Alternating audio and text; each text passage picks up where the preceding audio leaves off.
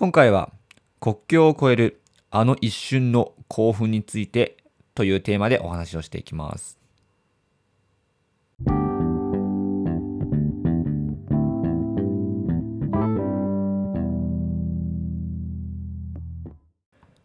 皆さんこんばんは。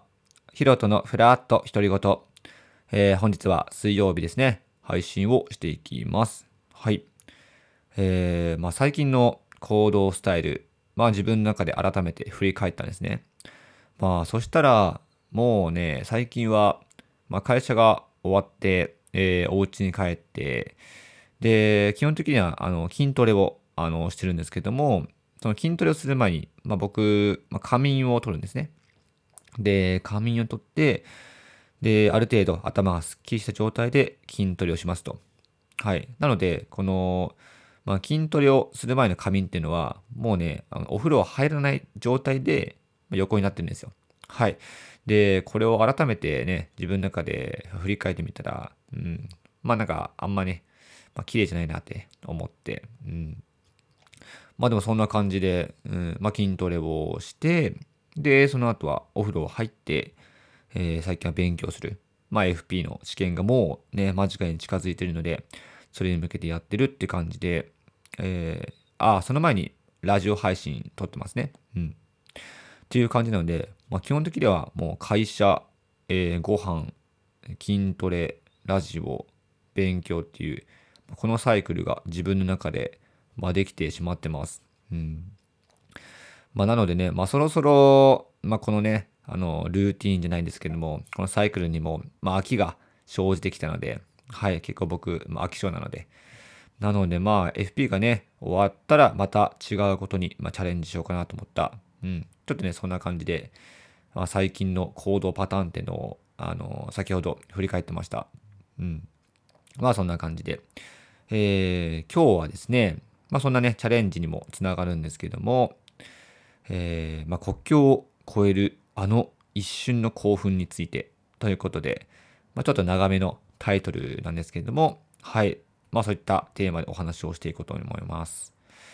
で、あのー僕がですね、なんでこのなテーマ今日お話ししようかなと思ったのが、あのー昨日ですかね、その配信で、あの、僕がハロウィンの日にイベントに行ったっていうお話をさせてもらったんですけれども、で、そのイベントに行った時に、あの、後輩と、はい、もう昔の、ね、2年前ぐらいかな、うん、まあ、それ以来ずっと会ってなかった後輩と一緒に行ったわけでして、でやっぱその後輩と、うん、もちろんね、イベントも楽しかったんですけども、まあ、その後の、まあ、トークというか、ね、久しぶりにどんな、まあ、近況なのかなってことをお互いに、まあ、話し合って、結構ね、あのーヒートアップして話してました。はい。やっぱお互いなんだろうな、まあ、将来のこととまで言いませんけども、うん、結構、まあ、自分で言うものなんですけども、真面目なタイプなので、はい。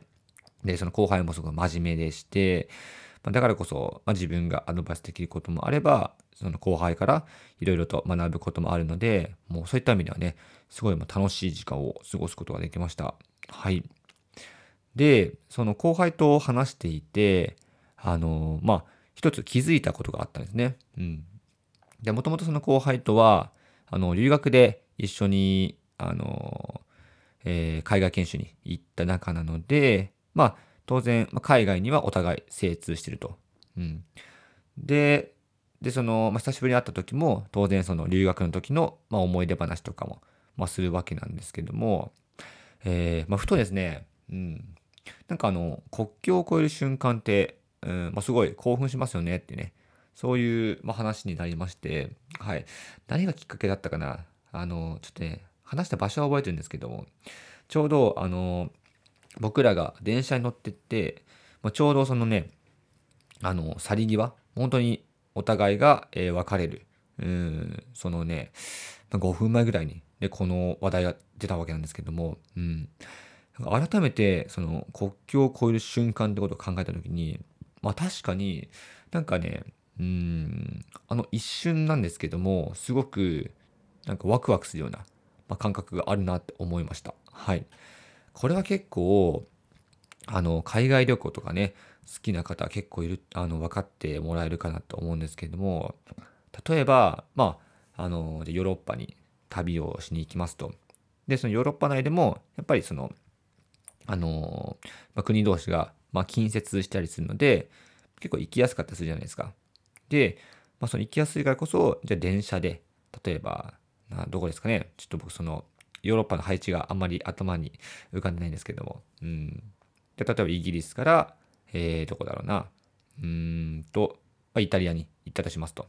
で、そうなった時に、やっぱり、あの、イギリスがイタリアに、まあ、超える瞬間、うん。で、結構みんな意識して、あの、感じると思うんですよね。うん。あ、国境を越えたな、みたいな。はい。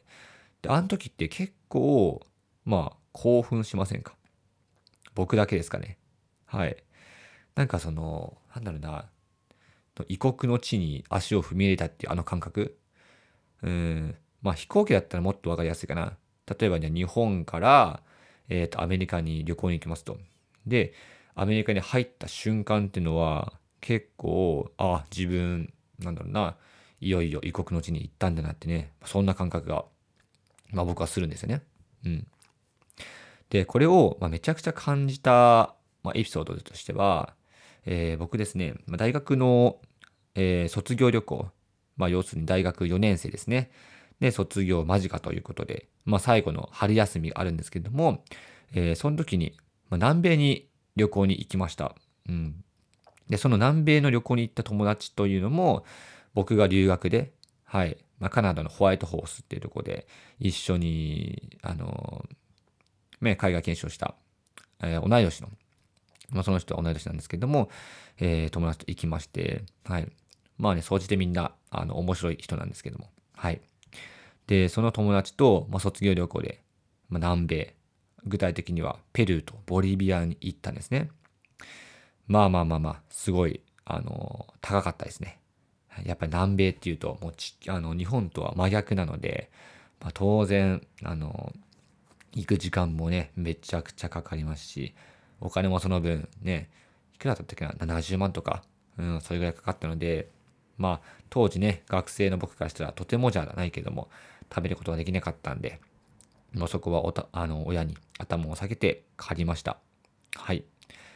うん、まあその友達は、なんだか知らないけども、自分で貯めることができてて、うん。まあ、バイトのしすぎですかね。はい。まあ、そういった感じでね、うん。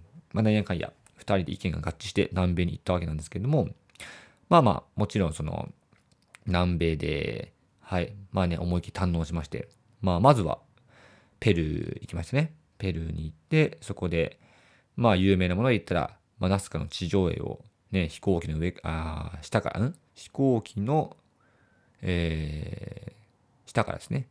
上からか。あ、ちょっとごっちゃになっちゃった。はい。まあ、見たりとか、あとは、まあ、マチュピチュとかね、まあ、世界遺産ありますよね。そういう有名なスポットに行ったりとか、うん。あとはそれこそ、まあ、現地ならではの、えー、まあ、交流があったりとか、ね、お祭りなんかもあったんですね。まあ、そういったね、いろいろとペルーで楽しみつつ、で、いざ、その、えー、僕らはツアーで行ったので、えー、そのツアーの、まあ、ほんと後半ですね。後半にペルーからボリビアに、まあ、えー、移行するわけなんですよ。で、その移行するときに、うん、あの、ちょうどペルーの、えっ、ー、と、デザグアデーロっていう、あ、これはボリビアか。ボリビアですね。間違えました。えっ、ー、と、ペルーの、あ、まあ、ペルーとね、ボリビアの、まあ、国境を、まあ、歩いて渡れるってとこがあるんですね。そこが、ボリビアの、まあ、デザグアデーロっていう街があって、で、ちょうどその、えっ、ー、と、国境の真上に、まあ、旗みたいなのが立ってるんですね。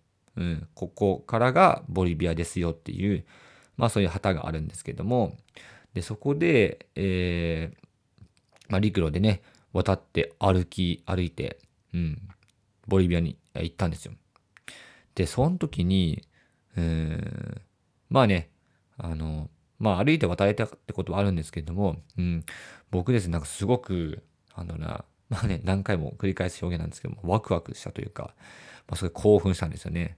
うん、あの一瞬なんですけども、ね、なんか国境を越える瞬間って、まあ、僕的にはすごく、うん、なんか特別な思いを感じました。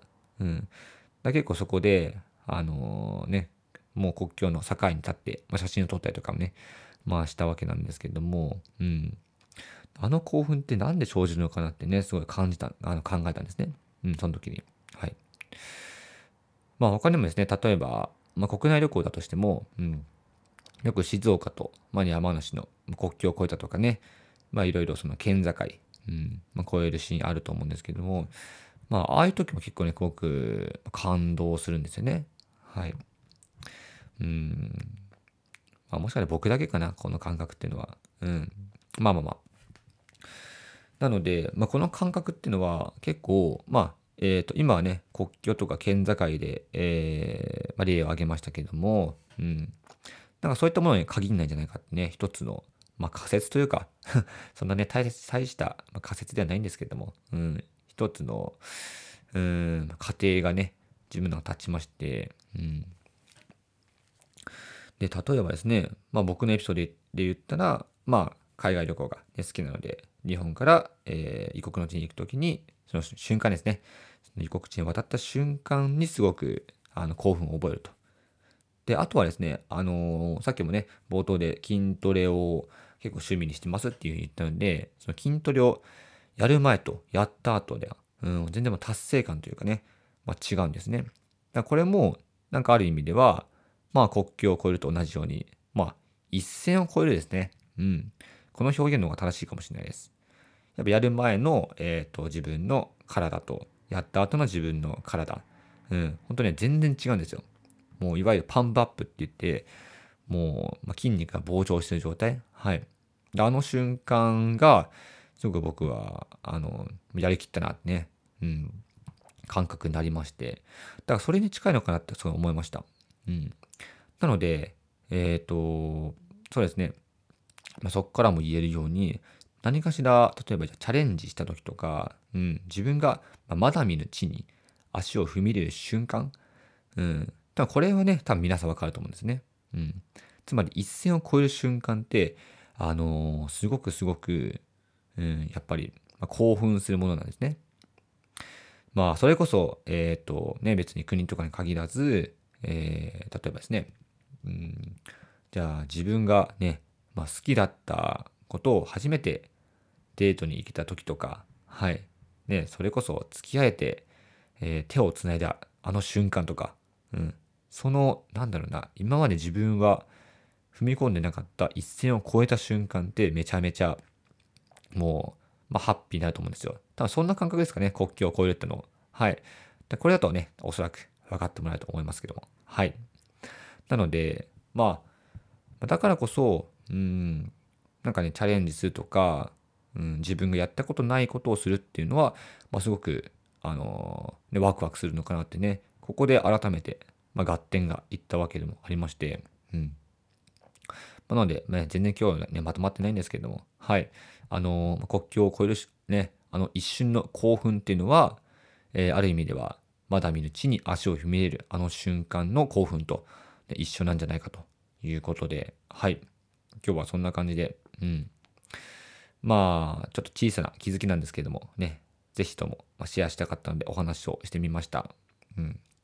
まあ、そう思うとね、なんかチャレンジをし続ける人生って楽しいですね、やっぱりね。興奮の連続なので。まあ、もちろん休む時も大事ですけども。うん。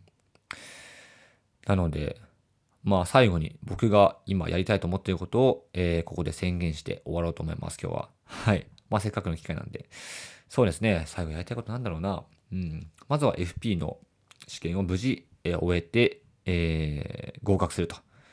それがまずやりたいこと。うん。まあ、今回2科目受かるので、2科目とも合格すること。でそしたら4科目受かるので、えー、6科目全部であるから、あと2科目ですね。うん。やると。そこまでやりきる。これ1個やりたい。あとはま、今ね、コロナで無理ですけども、まあ、世界一周も、えー、僕は夢なのでしたいですと。もう世界一周なんかしたら、もう国境を越える瞬間しかないので、もうね、瞬間瞬間の、あの、興奮っていうのがね、めちゃめちゃあるので、いやもうそう思うともう絶対幸せですよね。世界一周するって僕からしたら特に。うん。なので、まあ、これは絶対に叶えたいと思います。はい。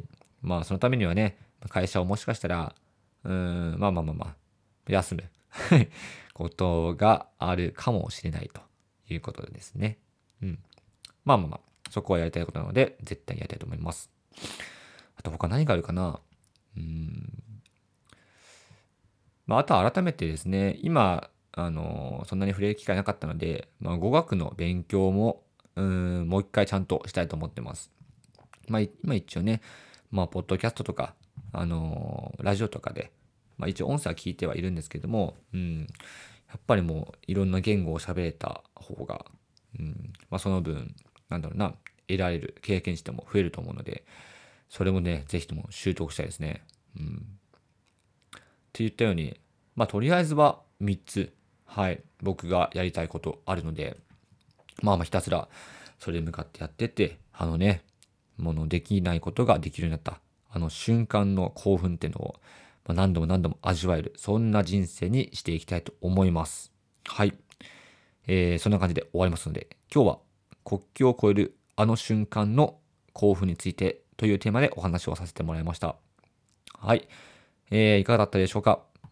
また明日以降も元気に配信をしていくので、えー、ぜひとも楽しみにしてくだしていてください。最後噛みましたね。はい。じゃあ今日はバイバイ。